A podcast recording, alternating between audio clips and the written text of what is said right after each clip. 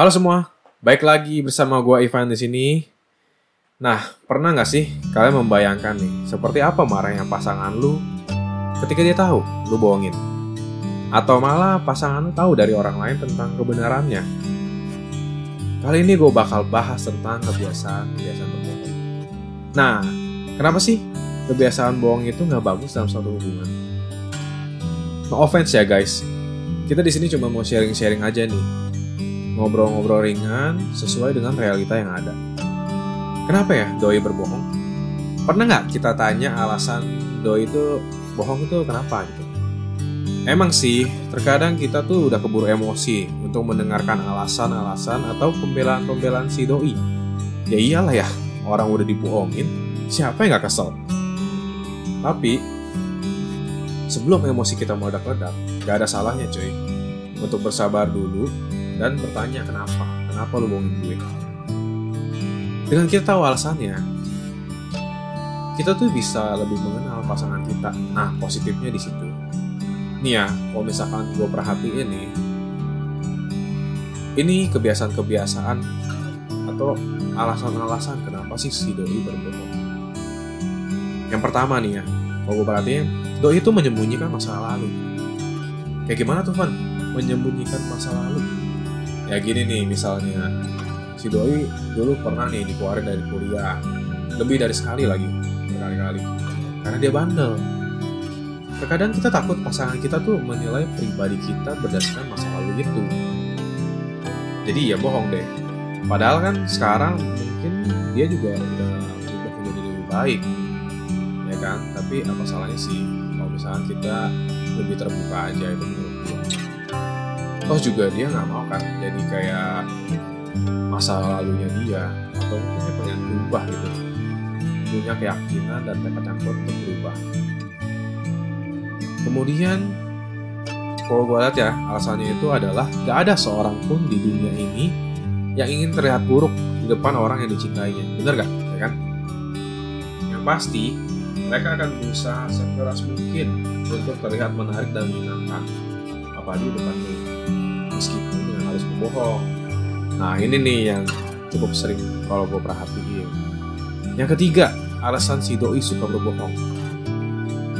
Ini yang paling common paling umum yaitu adalah buat menguji pasangannya iseng aja ngetes ngetes ya kan jadi tuh mereka sengaja memberitahu kebohongan tentang dirinya dan dia pengen lihat gimana sih reaksi lu gimana sih reaksi ketika uh, dikasih kebohongan itu ya kan itu akan menjadi suatu andalan nih untuk melihat karakter atau melihat pribadi pasangannya atau ini nih yang keempat untuk menutupi kesalahan yang pernah dibuat. Entah itu beli barang nggak cerita, barangnya mahal lagi, ya kan? Entah itu pergi ke mana, bilangnya di rumah, atau bilangnya pergi ke mana. Apalagi pergi sama lawan jenis, terus teman kita yang lihat, baru ini sih pasti bakal jadi perang dingin sih gua rasa. Itu sih parah dah.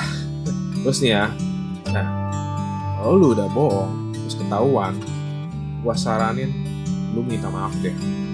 Tapi jangan sembarang minta maaf. Minta maaf juga ada tipsnya nih, tips and trick ya kan. Gue bagiin deh walaupun itu simple tapi ini cukup bermakna.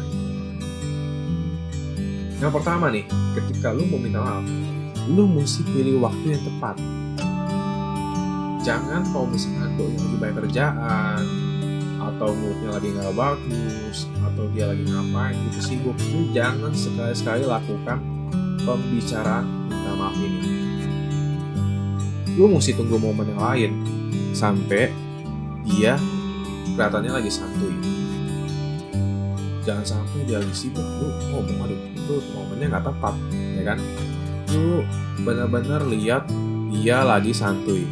Lagi minum teh kayak lagi nonton lagi ngapain yang santai-santai. Nah lu baru boleh ngomong.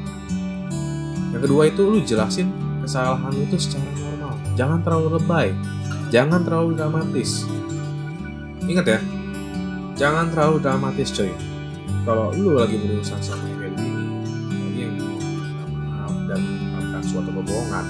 Lu jangan sekali-sekali lebay langsung lu sujud di depannya kalau nggak lu tiba-tiba bakar dupa atau minta maaf kayak gimana. Nah, jangan tuh terlalu berlebihan ya kan?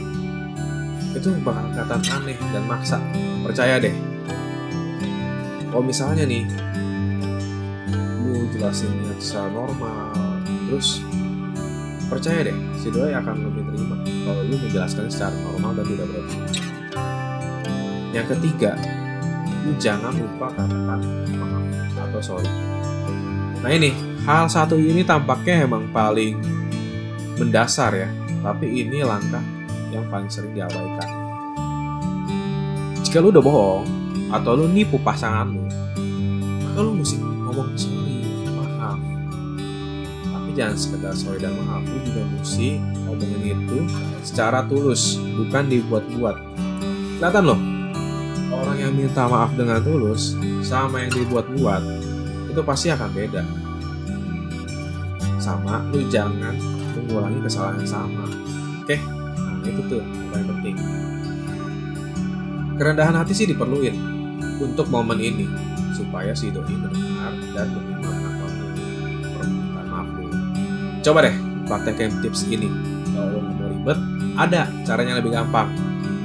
Yaitu ya udah lu nggak usah bohong. Gampang ya kan? Apalagi lu menutupi kebohongan dengan kebohongan lagi. Nah capek tuh. Lu udah bikin kayak drama aja tuh.